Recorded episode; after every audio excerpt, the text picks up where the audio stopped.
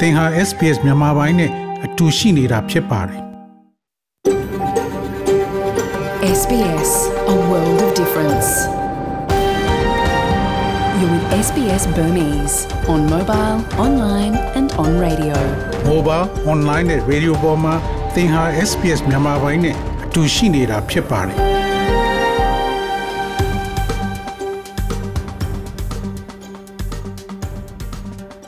တော်ရရှိမြချစ်တီမင်္ဂလာဖျားဖျားနဲ့ပြည်စုံတော်မူကြပါစားခင်ဗျာ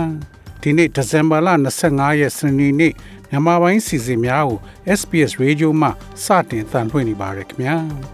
ဒီနေ့စီစဉ်များကိုကျွန်တော်ကျော်ထွန်းအောင်ခေါ် Terrell အောင်ကတင်ဆက်သွားမှာဖြစ်ပြီးယနေ့ပါဝင်မဲ့အစီအစဉ်များမှာတော့ SPS ကကဘာတဝမ်းရှိမမေ့နိုင်သော နှစ်တစ်နှစ်ကို ပြန်ကြည့်ဆိုတဲ့ဆောင်းပါး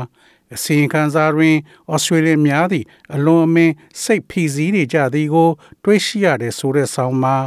နာတာရှေနာမကျန်းဖြစ်နေတဲ့ဩစတြေးလျတွေဆက်လက်လို့ပုံမှန်ကျန်းမာရေးစစ်ဆေးဖို့ပြောဆိုတဲ့ဆောင်းပါးနဲ့တန်ရွယ်ခက်ကပေးပို့ထားတဲ့အာနာသိန်းကြီးရဲ့ကြားကစစ်ဘေးရှောင်ပြည်သူများဆိုတဲ့ဆောင်းပါးတို့ဖြစ်ပါတယ်။ဒီနေ့ကောင်းကြီးပိုင်းသတင်းတွေကတော့ဩစတြေးလျခေါင်းဆောင်များရဲ့ယာသီပွဲတော်အတွက်ဆူတောင်းပေးမြစ်တာပို့သတင်း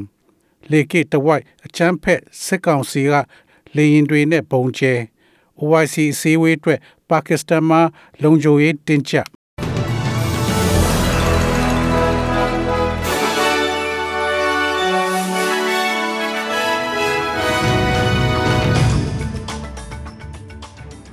ယခုချိန်ကစပြီးသတင်းများကိုကျွန်တော်ကြော်ထုတ်အောင်ကစတင်ဖတ်ကြားပါတော့မယ်။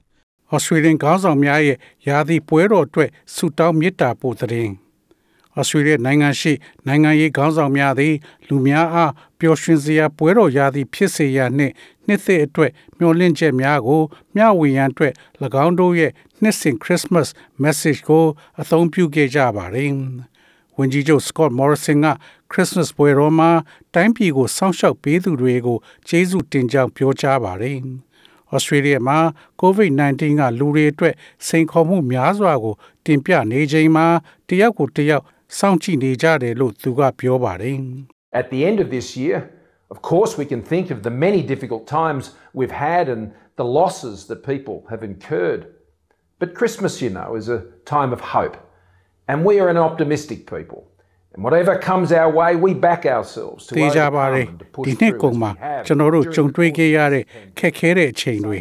လူတွေကြုံတွေ့ခဲ့ရတဲ့ဆုံးရှုံးမှုတွေကို တွေးကြည့်နိုင်ပါတယ်ဒါပေမဲ့ Christmas ဟာမျှော်လင့်ချက်များအချိန်အခါဖြစ်ပြီးကျွန်ုပ်တို့သည် အကောင်းမြင်သူများဖြစ်ပါတယ်ကျွန်ုပ်တို့သည်မိတို့ပင်ဖြစ်စေဤကပ်ယောဂဖြစ်ပွားနေစဉ်အတွင်းကျွန်ုပ်တို့ရှိသကဲ့သို့ကျွန်ုပ်တို့သည် ကဘာပေါ်ရှိတခြားနိုင်ငံအနည်းငယ်ကဲ့သို့အသက်မွေးဝမ်းကြောင်းပြုပြင်ခြင်းများကိုကယ်တင်နိုင်သကဲ့သို့ကျွန်ုပ်တို့လည်းကြော်လွှားပြီးတွန်းလှန်ရန်မိမိကိုယ်ကိုပြန်လဲတွန်းလှန်ရန်လိုအပ်ပါတယ်။ Labor ကောင်းဆောင် Anthony Albanese ကဩစတြေးလျနိုင်ငံသားများသည်ခက်ခဲကြမ်းတမ်းသောနှစ်နှစ်ကြာပြီးနောက်အထူးသဖြင့်ပျော်ရွှင်ပွဲ Christmas ကိုပိုင်ဆိုင်သင့်တယ်လို့ပြောကြားပါတယ်။ Thanks to everyone for taking care of each other. Australians have stood together, and now with our borders opening up again, we're getting back together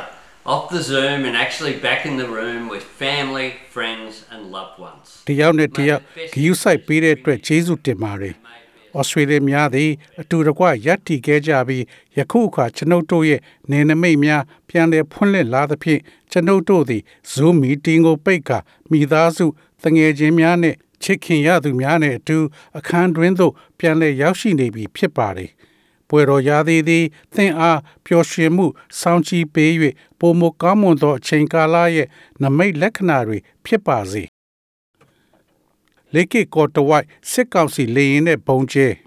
ကရင်ပြည်နယ်မြဝတီခရိုင်လေကီကော်ဒေသဘက်မှာစစ်ကောင်စီတပ်တွေနဲ့ကရင်အမျိုးသားလွတ်မြောက်ရေးတပ်တွေပြည်သူ့ကာကွယ်ရေးတပ်ဖွဲ့တွေ တိုက်ပွဲဖြစ်နေတာတပတ်ကျော်ကြာနေပါပြီ။တောက်ကြနေ့ယမန်နေ့ညနေပိုင်းမှာစစ်ကောင်စီဘက်ကလေရင်တွေနဲ့ဘုံကျဲတိုက်ခိုက်တာတွေလက်နက်ကြီးနဲ့ပစ်တာတွေဆက်လုပ်လာပါတယ်။ KNU နဲ့အတူပူးပေါင်းတပ်ဖွဲ့တွေရှိရာနေရာတွေကိုပြစ်မှတ်ထားပြီးတိုက်ခိုက်နေရာယမန်နေ့မှာတော့ပြည်သူ့ကာကွယ်ရေးတပ်တွေရှိရာနေရာကိုလေရင်နဲ့ဘုံကျဲခဲ့တယ်လို့ပြည်သူ့ကာကွယ်ရေးတပ်ကခေါင်းဆောင်တဦးဖြစ်တဲ့ကိုစောမွန်ကပြောပါတယ်။ ကြာသာပတေးနေ့ည10နာရီကျော်အချိန်ကစပြီးလေကက်ကော်အနီးကလေကဘော်ဆိုတဲ့ KNU စခန်းရှိတဲ့နေရာကိုလေရင်နဲ့ဘုံကျဲတိုက်ခိုက်ခဲ့ပြီးနောက်စစ်ကောင်စီရဲ့အမြောက်ကုန်းကနေလက်နက်ကြီးတွေဇက်တိုက်ပစ်နေခဲ့တာပါ။တောက်ကြနေမနေ့ပိုင်းမှာလဲလက်နက်ကြီးတွေပစ်ခတ်ခဲ့ပါတယ်။ဒီလိုဘုံကျဲတိုက်ခိုက်မှုတွေလက်နက်ကြီးနဲ့ပစ်ခတ်မှုတွေကြောင့်မြန်မာဘက်က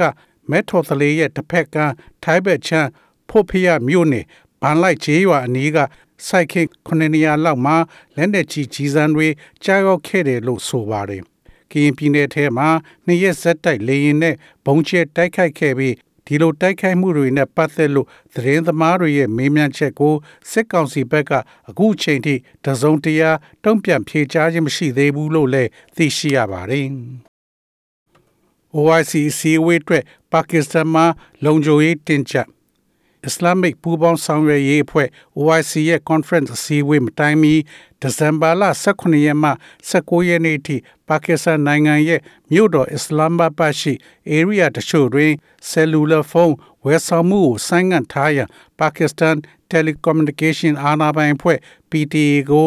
ပါကစ္စတန်အစိုးရကညွှန်ကြားခဲ့တယ်လို့သိရှိရပါတယ်။ conference အတွက်လုံခြုံရေးဆောင်ရွက်ချက်တစိမ့်တသေးသားအဖြစ်အနည်းအောင်ဆုံးတွင် ပိတ်ဆို့ထားမယ်လို့သိရပါတယ်။ OIC အဖွဲ့ဝင်62နိုင်ငံမှလာရောက်တဲ့ကိုယ်စားလှယ်များရဲ့လုံခြုံရေးအတွက်အနည်းအောင်ဆုံးကို ပိတ်ထားမည်ဖြစ်ကြောင်းဒေသစီမံခန့်ခွဲမှုဆိုင်ရာအရာရှိများနှင့်ရဲများကပြောဆိုပါတယ်။ထို့အပြင်လက်နက်အပြည့်တပ်ဆင်ထားတဲ့ရဲများနှင့်ပြည်သူစစ်တပ်ဖွဲ့ဝင်များစစ်တပ်စစ်သည်များကိုလည်း အနည်းအောင်ဆုံးရဲ့ဝင်ပေါက်နေရာများတွင်တပ်ဖြန့်ချထားမည်ဖြစ်ကြောင်းပြောဆိုပါတယ်။ VOM သတင်းဌာနယာယီရနာဖို့ဆုံးဖြတ်မန္တလေးအခြေစိုက် Voice of Myanmar VOM သတင်းဌာနကိုယခုဒီဇင်ဘာလကုန်2022ခုနှစ်ဇန်နဝါရီလ1ရက်နေ့ကစပြီးယာယီရနာသွားမယ်လို့သတင်းထုတ်ပြန်ပါတယ်။ အသက်အန္တရာယ်အထိချိန်ချောက်မှုတွေရှိနေသလိုအချိန်မရွေးဖမ်းဆီးခံရနိုင်တဲ့အခြေအနေနဲ့ရင်ဆိုင်လာရတာကြောင့်ယာယီရပ်ဖို့ဆုံးဖြတ်လိုက်တာလို့ VOM သတင်းဌာနရဲ့ editor ချုပ်ဦးနေမျိုးလင်းက RFA ကိုပြောဆိုပါတယ်။ SBS SBS SBS SBS SBS This is SBS Radio. ငွေလဲနှုန်းမှာတော့ Australian dollar ကိုမြန်မာကျပ်ငွေ1284ကျပ်ရရှိပြီး American dollar ကိုမြန်မာကျပ်ငွေ1988ကျပ်ရရှိပါတယ်။ Australian dollar ဟာ American 80စနစ်နဲ့ညီမျှပါတယ်။မနေ့ပြန် Australia တိုက်မှာရှိတဲ့မြို့ကြီးများရဲ့မိုးလေဝသခန့်မှန်းချက်ကတော့ Sydney မြို့မှာအပူချိန်30 degree centigrade ရှိမှဖြစ်ပြီးများသောအားဖြင့်နေသားမှာဖြစ်ပါတယ်။ Melbourne မြို့မှာအပူချိန်21 degree centigrade ရှိမှဖြစ်ပြီးမိုးတိမ်သားများအနည်းငယ်ရှိမှဖြစ်ပါတယ်။ Brisbane မြို့မှာအပူချိန်28 degree centigrade ရှိမှဖြစ်ပြီးမိုးရွာသွန်းမှဖြစ်ပါတယ်။ Perth မြို့မှာအပူချိန်43 degree centigrade ရှိမှဖြစ်ပြီးအရန်ပူအိုက်ပြီးနေသားမှာဖြစ်ပါတယ်။ Adelaide မြို့မှာအပူချိန်29 degree centigrade ရှိမှဖြစ်ပြီးမိုးတိမ်သားများအနည်းငယ်ရှိမှဖြစ်ပါတယ်။ Hobart မြို့မှာအပူချိန်21 degree centigrade ရှိမှဖြစ်ပြီးမိုးတိမ်သားများအနည်းငယ်ရှိမှဖြစ်ပါတယ်။ Canberra မြို့မှာအပူချိန်30 degree centigrade ရှိမှဖြစ်ပြီးမိုးရွာသွန်းနိုင်ပါတယ်။ Darwin မြို့မှာအပူချိန်28 degree centigrade ရှိမှဖြစ်ပြီးမိုးရွာသွန်းမှဖြစ်ပါတယ်။ဤတွင်သတင်းများကိုကြီးညာလို့ပြီးပါပြီခင်ဗျာ။။